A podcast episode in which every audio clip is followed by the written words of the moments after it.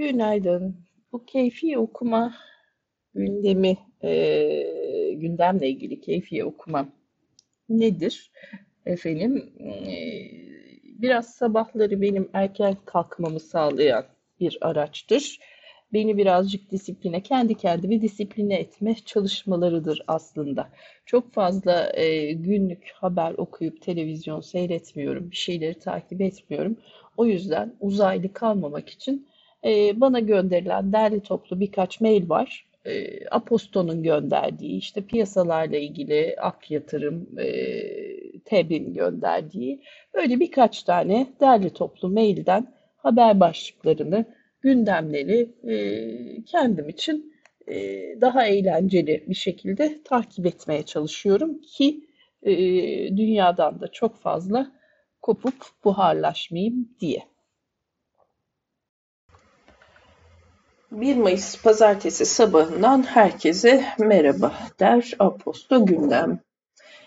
Bugün bültende İçişleri Bakanı Süleyman Soylu'nun ABD Başkanı Biden'a yönelik sadece Bay, Bay Kemal'i sandıkta mağlup etmeyeceğiz, seni de mağlup edeceğiz seslenişi Millet İttifakı'nın İzmir'de gerçekleşen mitingi ve Uçan Kuş televizyonunun sahibi Can Tanrıyar'ın tutuklanması yer alıyor. Günün hikayesi Tüm emekçilerin 1 Mayıs İşçi ve Emekçiler Bayramı'nı kutluyoruz. İşçilerin 8 saatlik iş günü için Avustralya'da başlayan mücadelesi ABD ve Avrupa'da nasıl karşılık buldu? 1 Mayıs Türkiye işçi sınıfı için neler ifade ediyor? Detaylar günün hikayesinde. Tamam, o günün hikayesine de bakarım en sonunda. Devam. Günün çalma listesini falan da okumuyorum. Dilim dönmüyor okuyamıyorum. Keyifli okumalar. Hop diye başlıyorum. Orayla uğraşamayacağım valla sabah sabah. Bu hafta. Bugün 1 e, Mayıs İşçi Bayramı dünya genelinde kutlanacak. Çarşamba günü TÜİK Nisan ayı enflasyonunu yayımlayacak. Perşembe günü TÜİK gelir dağılımı istatistiklerini paylaşacak. TCMB reel efektif döviz kurunu açıklayacak. Piyasalar ve ekonomi Dış ticaret açığı Mart'ta geçtiğimiz yılın aynı ayına göre %0.9 artarak 8 milyar 341 milyon dolara yükseldi. TÜİK ve Ticaret Bakanlığı işbirliğiyle oluşturulan Mart 2023'e ilişkin geçici dış ticaret verilerine göre Türkiye'nin ihracatı yıllık bazda %4.4 yükselişte 23 milyar 595 milyon dolara ulaştı. İhracatın ithalatı karşılama oranı Mart 2022'de %73.2 iken geçen ay %73.9'a yükselmiş. Türkiye'nin toplam ithalatı Mart'ta geçtiğimiz yılın aynı ayına göre %3.4 artarak 31 milyar 936 milyon dolar oldu. Bu dönemde Türkiye'nin enerji ithalatı yıllık bazda %30,5 azalarak 5 milyar 844 milyon dolara gerilemiş. Ham petrol ithalatı ise geçtiğimiz yılın aynı ayına göre yaklaşık %5.2 azalarak 2 milyon 528 bin 964 tona gerilemiş. Türkiye ilk çeyrekte bir önceki yılın aynı dönemine göre %26.71 artışla 6 milyon 212 bin 109 yabancı ziyaretçi ağırlamış.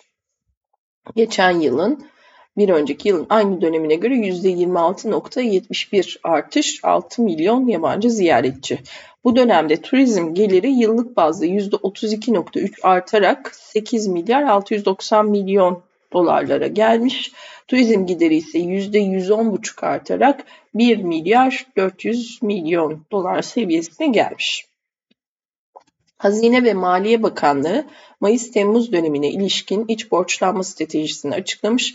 Buna göre hazine söz konusu dönemde 284.4 milyar liralık iç borç servisine karşılık 194 milyar liralık iç borçlanma gerçekleştirecekmiş. Bununla birlikte hazinenin vergi dışı gelirleri 2023'ün ilk çeyreğinde 42.2 milyar lira olarak hesaplanmış. Türkiye İşçi Sendikaları Konfederasyonu Türk İş Nisan ayı verilerine göre 4 kişilik bir ailenin aylık gıda harcamalarını kaps kapsayan açlık sınırı 10.135 lira. Açlık sınırı 4 kişilik aile için sadece gıda mı? Aylık gıda harcamaları kapsayan 10.135 kira, fatura, eğitim, giyim, ulaşım gibi tüm giderlerini kapsayan yoksulluk sınırı ise 33 bin liraya yükselmiş. Bekar bir çalışanın aylık toplam yaşama maliyeti ise 13.165. O zaman neymiş efendim? Kirası faturası 33 artı 13 bin şeyini koyarsak 45 bin lira falan alması gerekiyor minimum insanların nette. Hayırlı uğurlu oluyor. Bakalım. Türkiye Kamusen Genel Başkan Vekili Talip Geylan, memurlara ek zam ve refah payı verilerek alım güçlerinin yükseltilmesi talebinde bulundu. Geylan 1 Mayıs Emek ve Dayanışma Günü dolayısıyla yaptığı açıklamada insan onuruna yaraşır bir yaşam, adil bir gelir dağılımı, güvenceli bir çalışma hayatı istiyoruz ifadelerini kullanmış. İş dünyası ve finans.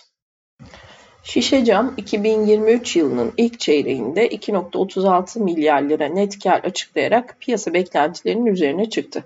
Şirketin cirosu geçtiğimiz yılın aynı dönemine oranla %36 artış göstermiş. ABD'de Federal Mevduat Sigorta Kurumu FDIC, bankacılık krizinin merkezindeki First Republic Bank'ın iflasını önlemek için JP Morgan, PNC, US Bancorp ve Bank of America'nın son tekliflerini bugün yapmasını talep etti. Ne olmuştu? Hatırlatması hemen. First Republic, First Republic hisseleri bu hafta %75, 2023'te ise %97 oranında değer kaybetti. Cuma günü FDIC, Fed ve ABD Adalet Bakanlığı'nın finansal şirketler arasındaki görüşmeleri organize etmeye başladığı haberi yayımlanmıştı. Fed, Silicon Valley Bank'ın iflasının banka yönetiminin riskleri yönetememesi ve denetimdeki yetersizliklerden kaynaklandığını belirtti. Yayınladığı raporda SVB iflas ettiğinde bankanın giderilmemiş 31 güvenlik ve sağlamlık denetim uyarısının bulunduğunu ve bunun sektördeki emsallerinden 3 kat daha fazla olduğunu açıkladı. 31 güvenlik ve sağlamlık denetim uyarısı. E-ticaret şirketi Amazon satışları 2023 yılının ilk çeyreğinde geçtiğimiz yılın aynı dönemine oranla %9 artarak şirketin gelirini 127.4 milyar dolara ulaştırdı. Geçtiğimiz yılın aynı döneminde 3.8 milyar dolar zarar açıklayan şirket 3.2 milyar dolarlık net kar kaydetmiş. Mikroçip üreticisi Intel 2023 yılının ilk çeyreğinde 2.8 milyar dolarlık net zarar ile şimdiye kadarki en yüksek çeyreklik zararını bildirdi. Geliri geçtiğimiz yılın aynı dönemine oranla %36 azalmış, 18.4 milyar dolar olmuş.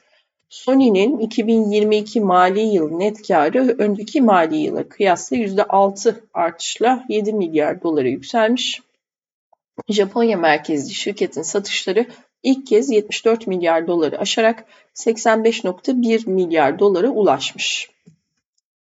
Microsoft, Enware ile Xbox ve Activision Blizzard oyunlarını İspanyol bulut oyun platformunda yayınlamak için 10 yıllık anlaşma imzaladığını duyurmuş. Bir adım geriden Birleşik Krallık Rekabet ve Pazarlar Kurumu Microsoft'un bilgisayar oyun şirketi Activision Blizzard'ı satın alma işlemini engellemişti. Evet. Peki. Bugünkü destekçi Kundura Hafıza. Türkiye'nin en önemli kültür miraslarından Beykoz Kundura'nın arşiv ve araştırma merkeziymiş Kundura Hafıza. Neler yapıyormuş bu Kundura Hafıza? 2015'te sözlü tarih çalışmaları ile ilk adımlarını atan ve 2021 yılında dernek statüsüne kavuşan Kundura Hafıza arşiv ve araştırma araştırıyor, saklıyor, iz sürüyor, biriktiriyor, hatırlıyor ve hatırlatıyor. Osmanlı İmparatorluğu ve Cumhuriyeti kapsayan zengin geçmişiyle fabrikayı, emek tarihi, sözlü tarih ve yerel tarih araştırmaları için önemli bir bellek mekanına dönüştüren Kundura Hafıza, farklı disiplinleri buluşturduğu sanatçı programı Vardiya ile de sanat ve arşivin buluştuğu yeni düşünme ve karşılaşma alanları yaratıyor. Enteresan mekan. Peki meraklısına grevler, direnişler ve sendikal mücadelelerin ayrılmaz bir parçası olduğu Sümerbank, Beykoz Deri ve Kundura Fabrikası'nın işçi ve emek geçmişti merak edenleri bu bağlantıya davet etmek isteriz diye bir bağlantı vermiş. Dahası Sümerbank Deri ve Kundura Fabrikası'nın üretim tarihine yakından tanık olmak isterseniz sergi varmış. Kundura'nın hafızası bir fabrikaya sığan dünya. Devam. Politika Türkiye.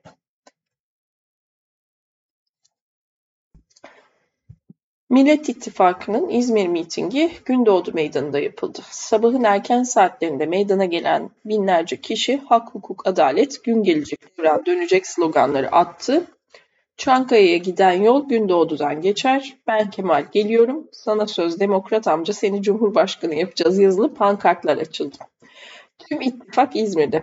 Mitinge Millet İttifakı'nın Cumhurbaşkanı adayı Kılıçdaroğlu, İBB Başkanı İmamoğlu, ABB Başkanı Yavaş'ın yanı sıra İyi Parti lideri Akşener, Deva Partisi lideri Babacan, Gelecek Partisi lideri Davutoğlu, Saadet Partisi lideri Karamollaoğlu ve Demokrat Parti lideri Uysal da katıldı. Açıklamalar Siyasetçiler ilk turda bitirelim çağrısında bulundu. Kılıçdaroğlu ise benim umudum sizlersiniz. İçine düştüğü bu durumdan Türkiye'yi çıkarmamız birlikte olacak. Birlikte mücadele edeceğiz. Birlikte sandığa gideceğiz ve birlikte Türkiye'yi aydınlığa çıkaracağız. Söz mü? Ben de size söz veriyorum. Bay Kemal'in sözünü veriyorum. Ne olursa olsun bütün engelleri yıkacağım ve Türkiye'yi aydınlığa çıkaracağım diye konuştu. Millet İttifakı'nın Cumhurbaşkanı adayı Kılıçdaroğlu 1 Mayıs İşçi ve Emekçiler Bayramı öncesinde sosyal medya hesabından Emekçiler başlıklı yeni bir video yayınladı. Kılıçdaroğlu videoda şu ifadeleri kullandı. Ben beyaz yaka mavi yaka ayrımına inanmam. İkincisi de aynı cendere içerisinde. İkincisi de dediğim mavi pek ikisi de herhalde bu. Türkiye tarihinin en büyük ekonomik krizini yaşıyoruz. Silindir gibi geçtiler emekçinin üzerinden. Bu ülkede sadece bir avuç zenginin keyfi yerinde. Ben yakanız ne olursa olsun orta sınıfın büyümesi gerektiğini düşünüyorum.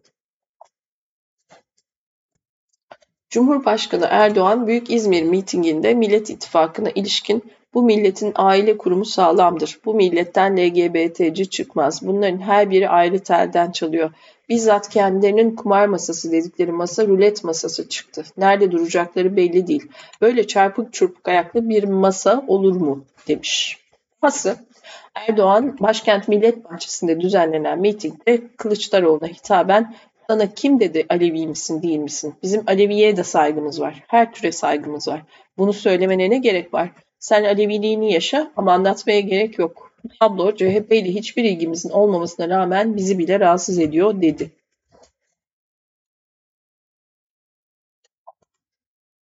Bir günden İsmail Arı'nın haberine göre CİMER'e şikayet edilen 14 yaşındaki bir çocuğa Cumhurbaşkanı'na hakaret suçlamasıyla dava açıldı. Savcı çocuğun Cumhurbaşkanının onur, şeref ve saygınlığına saldırıda bulunduğunu belirterek cezalandırılmasını istemiş. Çocuk hakkında adli tıp raporu hazırlandı. Raporda çocuğun eyleminin hukuki anlam ve sonuçlarını algılayıp davranışlarını yönlendirme yeteneğinin yeterince gelişmiş olduğu yer almış. Peki. İçişleri Bakanı Süleyman Soylu ABD Başkanı Joe Biden'a seslenerek çıkmış dün Kılıçdaroğlu'nun avaneleri işte neymiş 14 Mayıs için bir darbe demişiz. Ben demiyorum ki adam oturmuş plan yapıyor. Diyor ki 15 Temmuz'da beceremedik HDP'yi, LGBT'yi bütün her birini bir araya getireceğiz ve Tayyip Erdoğan'ı mağlup edeceğiz. Türkiye'nin seçimi Amerika'ya mı düştü? Hey Biden biz sadece Bay Bay Kemal'i sandıkta mağlup etmeyeceğiz seni de mağlup edeceğiz dedi. Herhalde burada Bay Bay'la sözcük oyunu yapmış. Yorumsuz devam. İyi Parti lideri Meral Akşener, siyaset bilimci Onur Erim'in kendisine yönelik ifadelerine ilişkin ben Recep Bey'in devrinde bir kadının uğrayabileceği en ağır iftiralara, hakaretlere uğradım. Recep Bey'in iktidarında kocamı aldatmış kadın imasıyla karşılaştım. Bana güç verin. Bu saygısızlık erkeklerle, iftiracı adamlarla mücadele etmek için saygısız erkeklerle herhalde. Aa yazım hataları çok. Normalde olmuyordu bu kadar. Bu saygısız erkeklerle, iftiracı adamlarla mücadele etmek için bana güç verin. Bir oy Kemal'e, bir oy Meral'e istiyorum açıklamasında bulunmuş. Bir adım geriden Onur Erim katıldığı bir televizyon programında Akşener'e ilişkin teröre ili değmemesi mühim değil, başka şekilde değmiştir, bilemiyorum diye konuşmuştu. Of, İstanbul Cumhuriyet Başsavcılığında şüpheli Muhammed Yakut'un yaptığı suç içerikli video paylaşımlarına ilişkin yürütülen soruşturmada paylaşımlarda kullanılmak üzere bilgi, belge ve fotoğraf aktarımı yaptığı ve şüpheliyle birlikte hareket ettiği iddiasıyla gözaltına alınan Uçan Kuş Televizyonu'nun sahibi Can Tanrıyer tutuklandı. Devam. MHP Ankara eski il yöneticisi Ferhat Özcan, Pursaklar'da uğradığı silahlı saldırı sonucu hayatını kaybetti. Cinayete ilişkin soruşturma kapsamında MHP Pursaklar İlçe Başkanı Mehmet Ersin Ekinci gözaltına alındı. Cinayete ikili arasındaki husumetin ve Özcan'ın iş yerine astığı İyi Parti afişlerinin neden olduğu öne sürüldü. İyi Parti Ankara İl Başkanlığı ise bu iddiayı reddetti. Geniş açı Ankara'da 30 Aralık 2022 tarihinde eski Ülkü Ocakları Genel Başkanı Sinan Ateş'te uğradığı silah saldırı sonucu öldürülmüştü. Özcan'ın sosyal medya hesaplarında Sinan Ateş'te paylaştığı görüldü. Teksas gibiyiz. Şahane. İzlenenlerin Sosyalist Partisi SP dün sabah polis ekiplerince yapılan baskınlarla bazı partililerin gözaltına alındığını duyurdu. Parti açıklamasında Faşizm partimize yeni bir siyasi saldırı düzenliyor. Bu sabaha karşı birçok ilde yapılan ev baskınlarında eş genel başkanımız Şahin Tümüklü de dahil olmak üzere çok sayıda yoldaşımız gözaltına alındı. Siyasi polisin saldırısı devam ediyor denildi. Politika ve Dünya İsrail'de Başbakan Benjamin Netanyahu hükümetinin tartışmalı yargı düzenlemesine karşı her cumartesi düzenlenen protestolar 17. haftasında da devam etti. Oo, 17 hafta. Peki. Başkent Tel, Tel Aviv ile birlikte Batı Kudüs, Hayfa, Hadera gibi kentlerde düzenlenen gösterilere on binlerce kişi katılmış. Bununla birlikte Perşembe günü ise on binlerce kişi hükümetin yargı düzenlemesine destek yürüyüşü düzenlemiş, millet yargı reformu istiyor sloganı atmıştı. Avrupa İnsan Hakları Mahkemesi, AİHM diğer biri geçtim bu arada. Avrupa İnsan Hakları Mahkemesi AİHM 2008'deki Güney Ossetya Savaşı ile ilgili davada Rusya'nın Gürcistan'a 129 milyon eurodan fazla manevi tazminat ödemesine hükmetti. Rusya'nın Gürcistan'a 129 milyon eurodan fazla. AİHM Rusya'nın artık Avrupa Konseyi'ne üye olmamasının yargılanmasına bir engel teşkil etmediğini belirtirken tazminatında 3 ay içinde ödenmesini kararlaştırdı. Mesela ödemezse ne olur? Ukrayna Savunma Bakanlığı Sivastopol kentindeki Rusya'ya ait depolama tesisine yönelik saldırıda petrol ürünleri içeren 40 bin ton kapasiteli tankların imha edildiğini bildirdi. Ukrayna ordusundan gelen açıklamada Sivastopol'daki patlama herkesin beklediği geniş çaplı taarruz için hazırlık niteliğindedir dedi.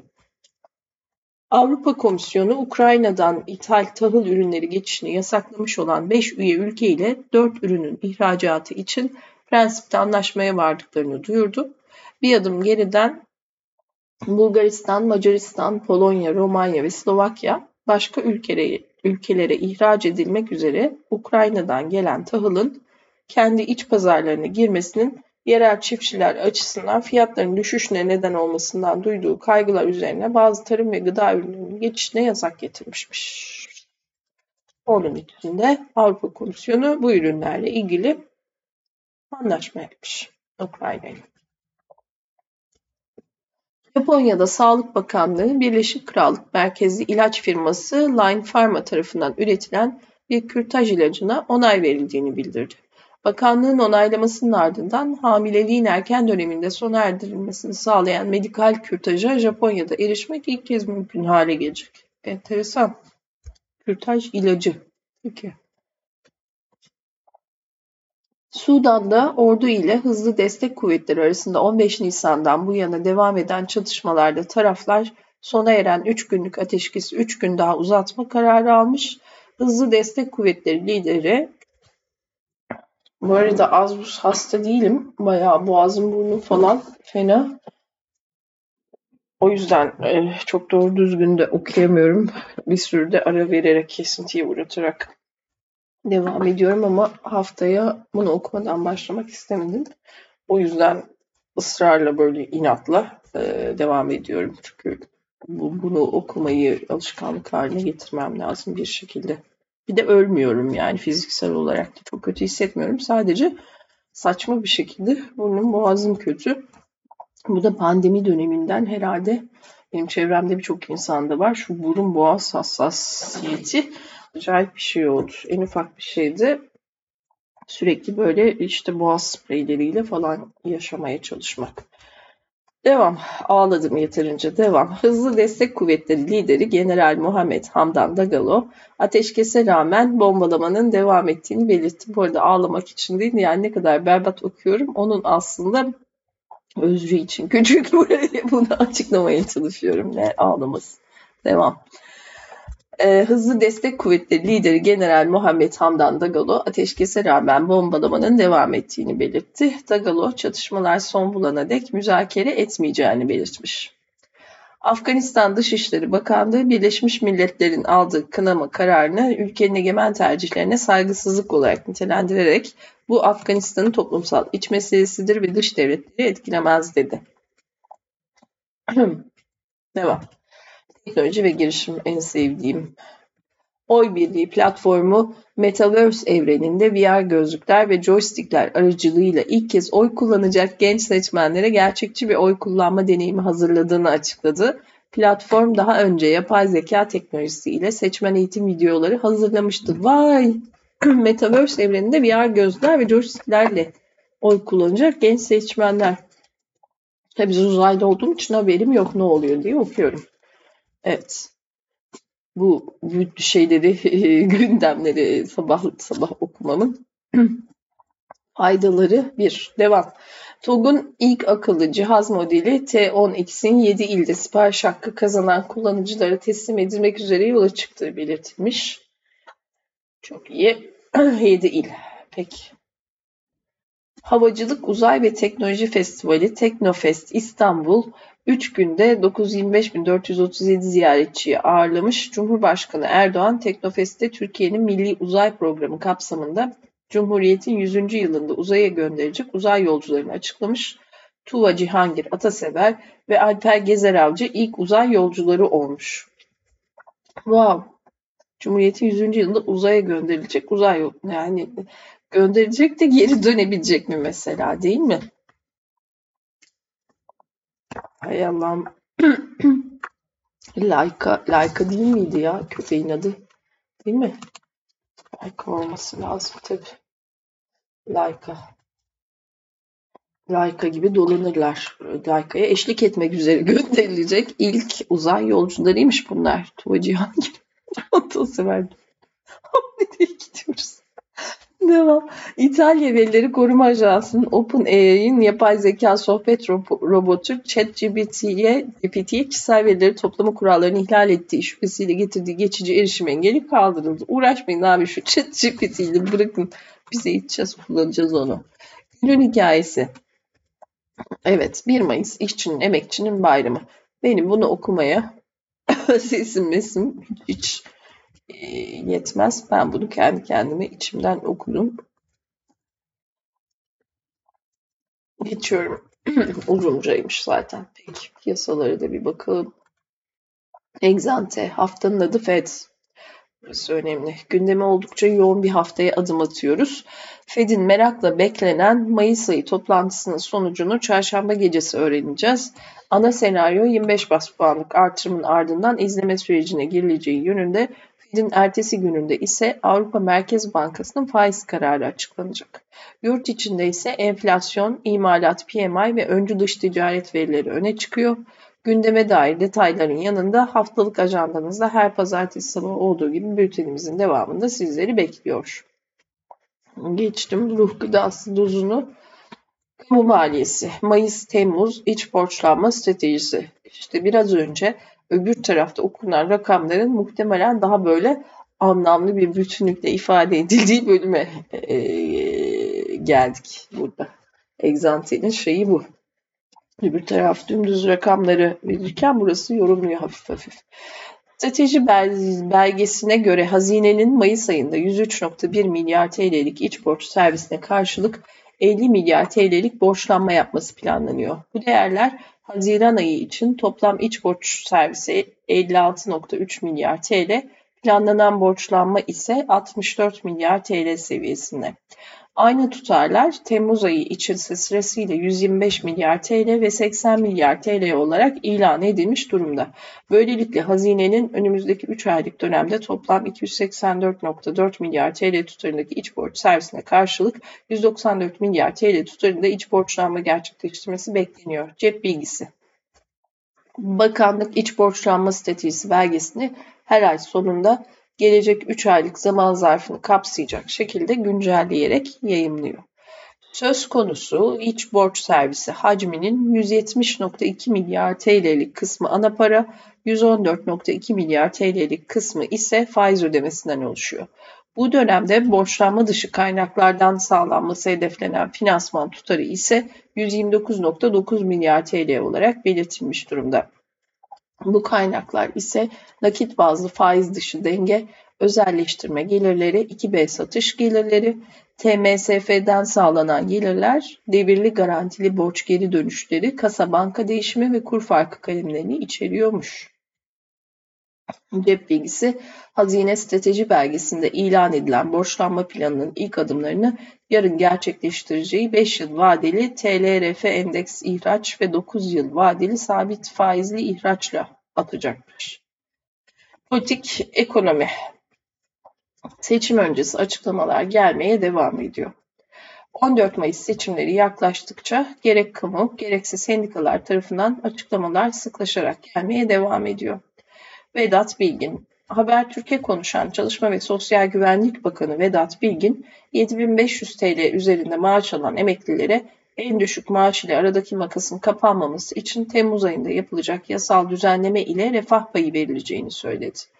Daha sonra bir etkinlikte konuşan Hazine ve Maliye Bakanı Nurettin Nebati de Bakan Bilgin'i doğrulayarak bu alanda bir çalışmalarının olduğunu ifade etti. Hatırlatma dozu, Nisan ayının başlarında resmi gazetede yayınlanan düzenleme ile en düşük emekli maaşı 7500 TL'ye yükseltildi. Bakan Bilgin'in ifadelerine göre toplam 15 milyon emeklinin 9 milyonu emekli maaşına yaklaşık bu seviyeden oluyormuş. Bakan Bilgin ayrıca emekliliği geciken EYT'lilerin endişe etmediğini çünkü maaşlarını birikmiş olacak olarak alacaklarını ifade etmiş. Peki.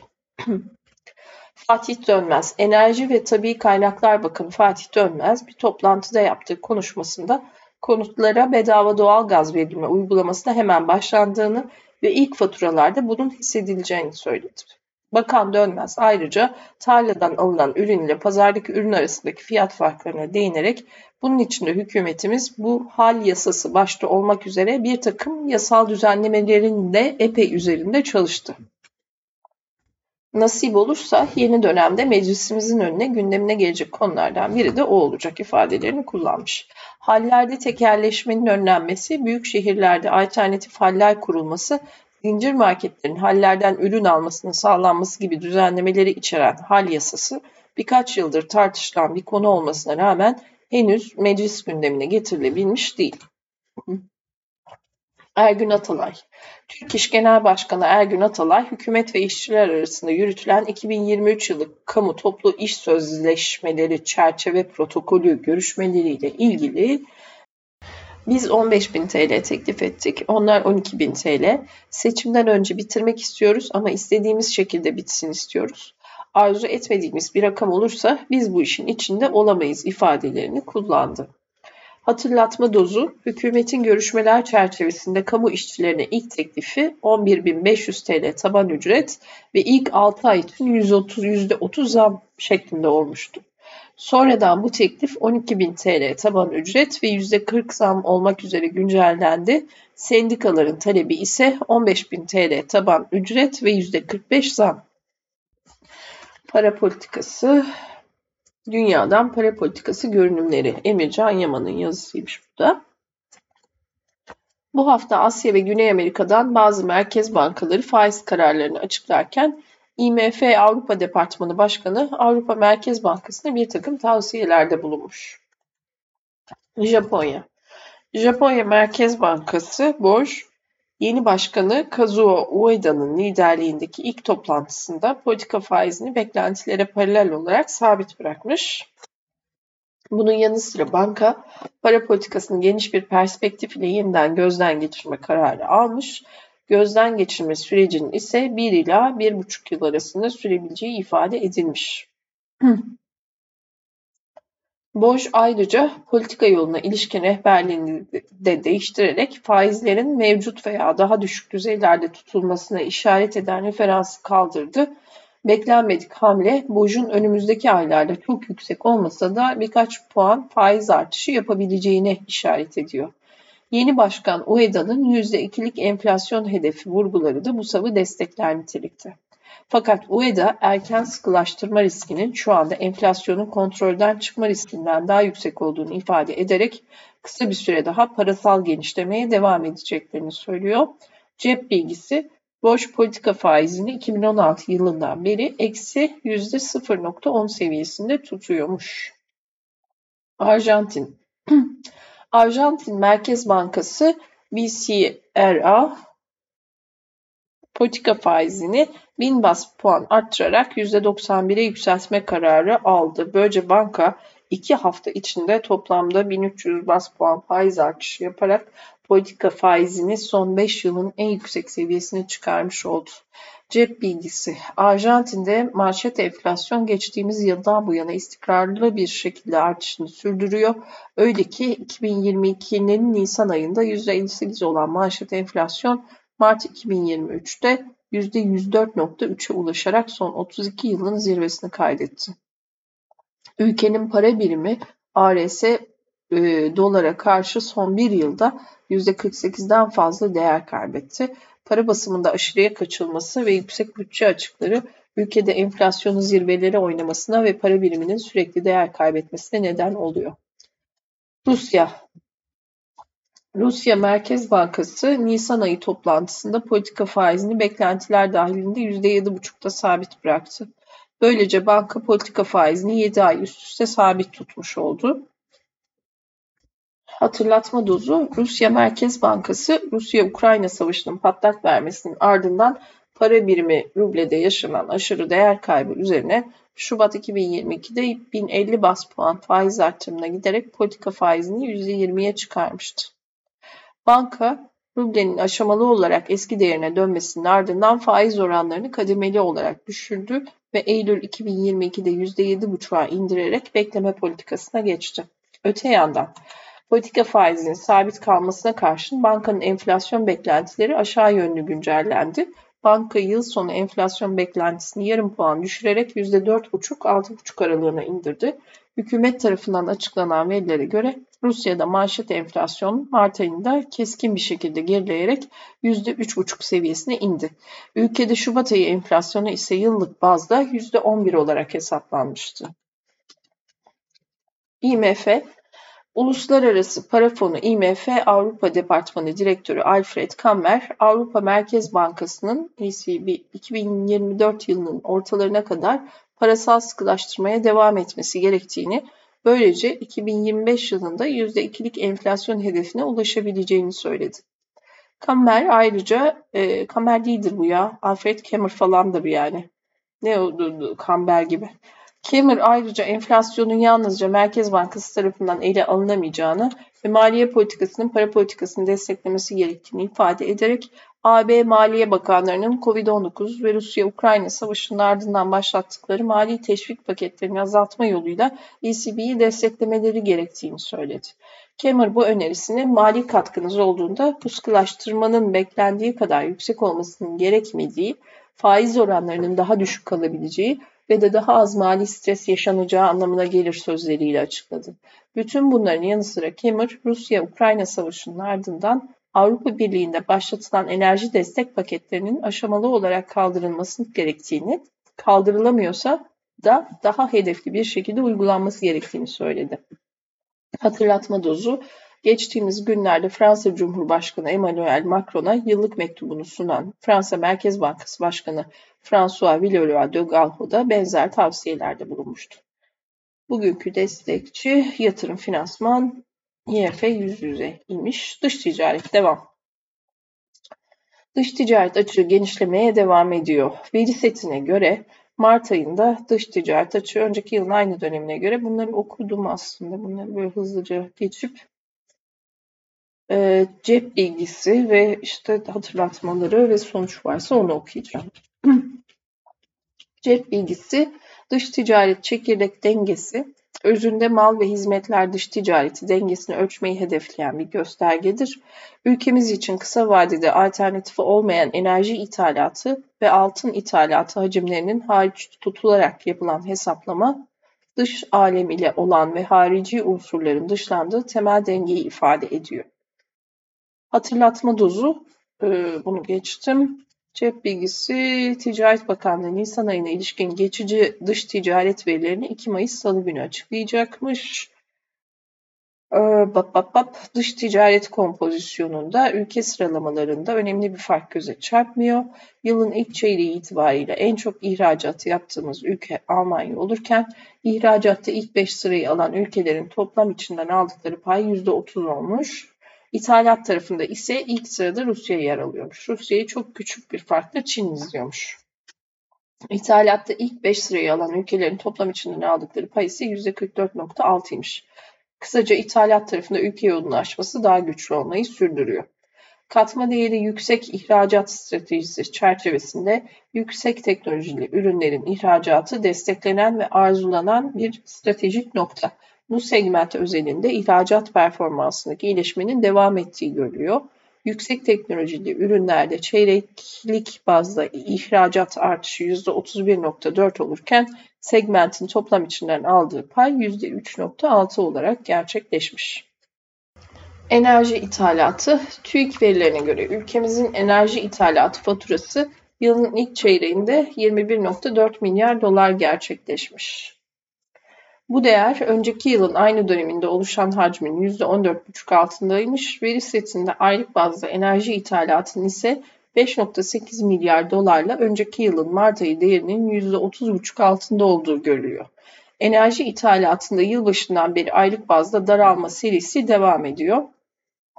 Öte yandan EPDK tarafından yayınlanan Şubat ayı petrol piyasası sektör raporuna göre ülkemizin ham petrol ithalatı yıllık bazda %14 oranında azalarak 2 milyon ton olmuş. Bu dönemde motorin ve türlerindeki ithalat ise %26.4 oranında artmış. Ham petrol ithalatı çok büyük oranda Rusya'dan yapılmaya devam ediyor. Cep bilgisi TÜİK 22 Aralık 2023 yılında yayınlanacağı duyurulan Enerji Hesapları 2021 haber bülteninin idari kayıtların erken temin edilmesi ve analiz süreçlerinin tamamlanması sayesinde erkene çekilerek yarın saat 10'da yayınlanacağını duyurdu. 22 Aralık 2023'te yayınlanacağı duyurulan, Aralık'ta yayınlanacak Enerji Hesapları 2021 yarınmış. Peki. Turizm gelirleri. TÜİK tarafından açıklanan turizm istatistiklerine göre ülkemizin turizm geliri yılın ilk çeyreğinde yıllık bazda %32.3 oranında artarak 8.7 milyar dolara ulaşmış. Ziyaretçi sayısında da %26.8'lik artışın izlendiği veri setine göre yılın ilk çeyreğinde ülkemizi ziyaret eden yurt dışı ikametli kişi sayısı 8.2 milyon kişi olmuş. Öte yandan kişi başı ortalama harcamalar 1062 dolar ve gecelik ortalama harcama 84 dolar verilerinde önemli bir değişim söz konusu değil. Diğer bir ifadeyle gelir artışı doğrudan doğruya ziyaretçi sayısı ile ilişkili. Turizm giderleri tarafında yurt içinde ikamet edip başka ülkeleri ziyaret eden kişi sayısının yılın ilk çeyreğinde %99 oranında artarak 2.1 milyon kişiye ulaştığı görülüyor. Sonuç olarak turizm gelirlerindeki toparlama eğilimine karşın cari işlemler dengesinde dış ticaret açığı kaynaklı baskının süreceği görülüyor. Fiyatlar ve enflasyon. Açlık sınırı 10.000 TL'yi aştı. Türk İş aylık bazda yayınladığı ve enflasyonun en önemli öncü verilerinden olan açlık yoksulluk sınırı çalışmasının Nisan ayı verileriyle güncellenen setini yayınladı. Sonuçlara göre Ankara'da yaşayan 4 kişilik bir ailenin sağlıklı, dengeli ve yeterli beslenebilmesi için yapması gereken aylık gıda harcaması tutarı yani açlık sınırı aylık bazda %5.7 artışla 10.136 TL'ye ulaşmış. Göstergede yıllık bazda artış oranı ise %90.4 seviyesinde bulunuyor. Veriyle birlikte net asgari ücret 8.507 lira, ile açlık sınırı arasındaki makas 1629 TL'ye ulaştı. Şu anda asgari ücret 8507 lira, açlık sınırı 10136 lira. Cep bilgisi Nisan 2022 dönemi için hesaplanan açlık sınırı 5324 TL idi. 2022 yılı asgari ücreti ise brüt 5004 net 4253 TL seviyesindeydi. Yani 5300'lerden %100 5300'lerden 10.136'ya çıkmış Nisan 2022'den bu yana açlık sınırı. Aynı dönemde gıda harcaması ile giyim, konut, kira, elektrik, su, yakıt yani ulaşım, eğitim, sağlık ve benzeri ihtiyaçlar için yapılması zorunlu diğer aylık harcamalarının toplam tutarı 33.015 TL yükseldi. Çalışmaya göre bekar bir çalışanın yaşama maliyeti ise 13.167 TL olarak hesaplandı. Buna bağlı olarak örneğin son bir ayda ortalama 50 TL, son bir yılda %150 artan kırmızı eti tüketmek düşük gelirli vatandaşlar için mümkün olmuyor. Sadece hayvansal ürünler değil, Mutfakta en fazla tüketilen gıdalardan kuru soğan ve patates fiyatları da son bir yılda iki katına kadar artmış durumda. Üstelik dünyada gıda fiyatları BM Gıda ve Tarım Örgütü'ne göre bir yıldır aralıksız her ay düşerek %20 azalmış olmasına rağmen. Devam. Hizmet Üretici Fiyat Endeksi Türkiye İstatistik Kurumu TÜİK Mart ayına ilişkin Hizmet Üretici Fiyat Endeksi verilerini açıkladı. Hizmet üfe. Buna göre endeks aylık bazda %2.3, yıllık bazda ise %73.6 oranında artış gösterdi. Veriyle birlikte endeksteki yıllık artış oranı Ocak 2022'den bu yana görülen en düşük seviyeye ulaştı. Endekste yıllık artış oranındaki düşüş serisi ikinci aya taşınsa da birikimli enflasyon bu alanda da çok yüksek seyrediyor. Endekste 2 yıllık birikimli artış oranı %213,5 seviyesinde bulunuyor. Endeksin alt kalemlerinde mesleki, bilimsel ve teknik hizmetler göstergesi yıllık bazda %93.9'luk artış oranı ile en yüksek artış oranına sahip. Ulaştırma ve depolama hizmetleri kalemi ise %62'lik artış oranı ile 6 alt kalem içinde en az yıllık artış oranının yaşandığı gösterge. Veriye aylık bazda bakıldığında ise negatif enflasyon görülen herhangi bir alt kalemin bulunmadığı görülüyor. Veri sektör bazında kırıldığında ise hesaplamaya konu 27 alt sektörün 19'unda yıllık enflasyonun manşet değerinin üzerinde gerçekleştiği görülüyor. Bu listenin en üst sırasında %129 ile programcılık yayıncılık hizmetleri, son sırasında ise %15.2 ile su yolu taşımacılığı sektörleri yer alıyor. Aylık veri setinde ise 6 sektörde negatif enflasyon ölçülmüş durumda. Veri hizmetler alanında güçlü ve tabana yayılan enflasyonist baskının devam ettiğini, bu baskının baz etkisine rağmen ivmesini koruduğunu gösteriyor. Manşet enflasyon beklentisi Çarşamba günü açıklanacak Nisan ayı manşet enflasyon verisi öncesinde Anadolu Ajansı Finans tarafından gerçekleştirilen enflasyon beklenti anketine göre Türkiye Fiyat Endeksinde aylık artışın %2.7 olması bekleniyor.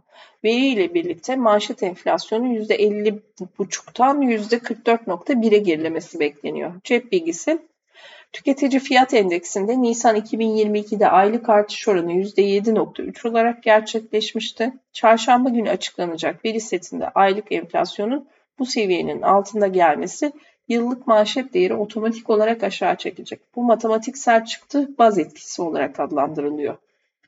Severim ben sizin tatlı tatlı açıklamalarınızı. Almanya'da tüfe.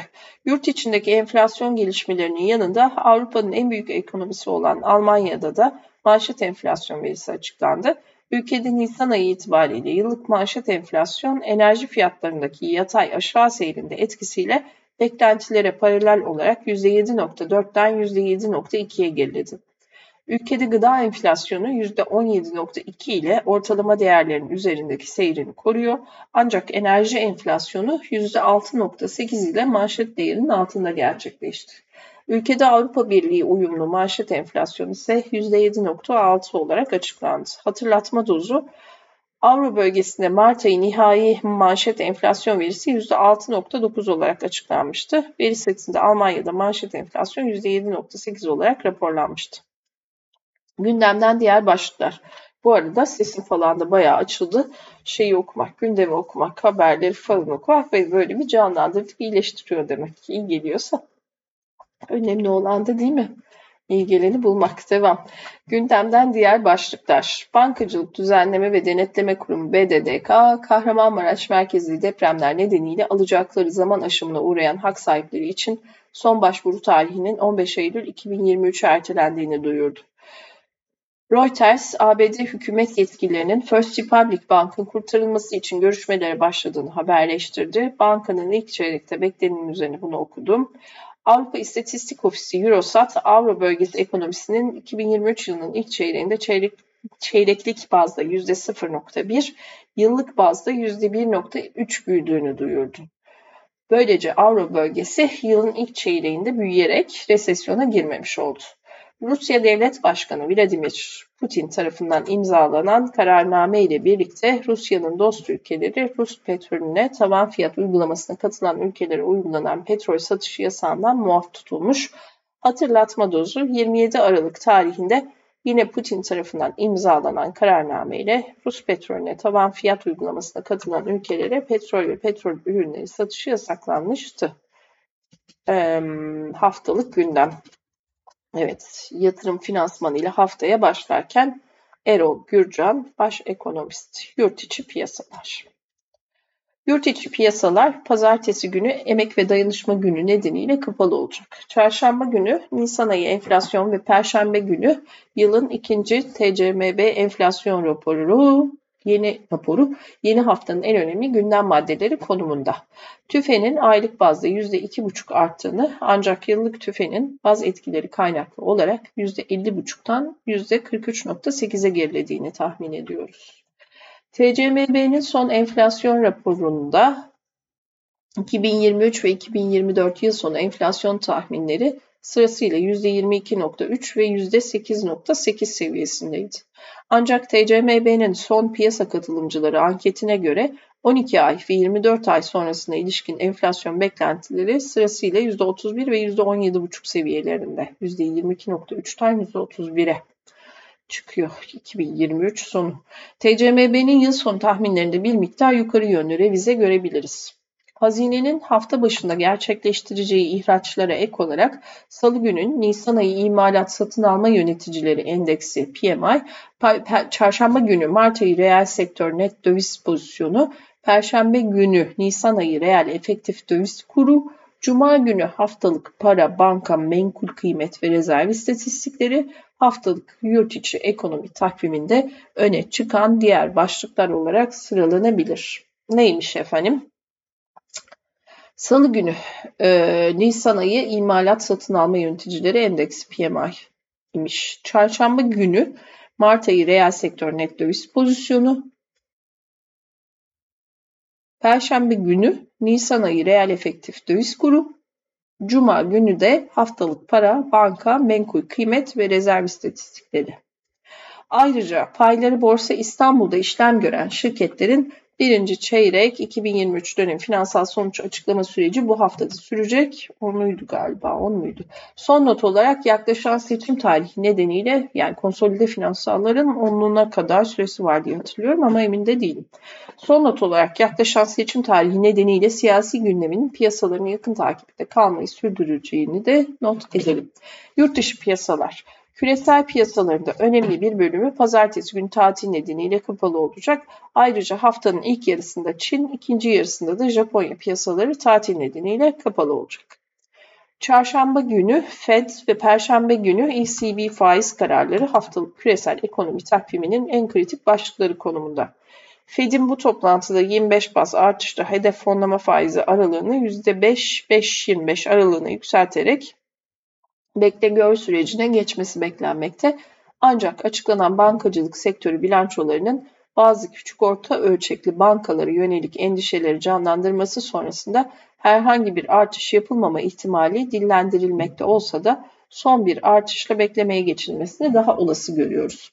Avrupa Merkez Bankası'nın da faiz artışlarına 50 bas puan ile ya da 25 bas puana yavaşlayarak da o devam olsa da devam etmesi beklenmekte.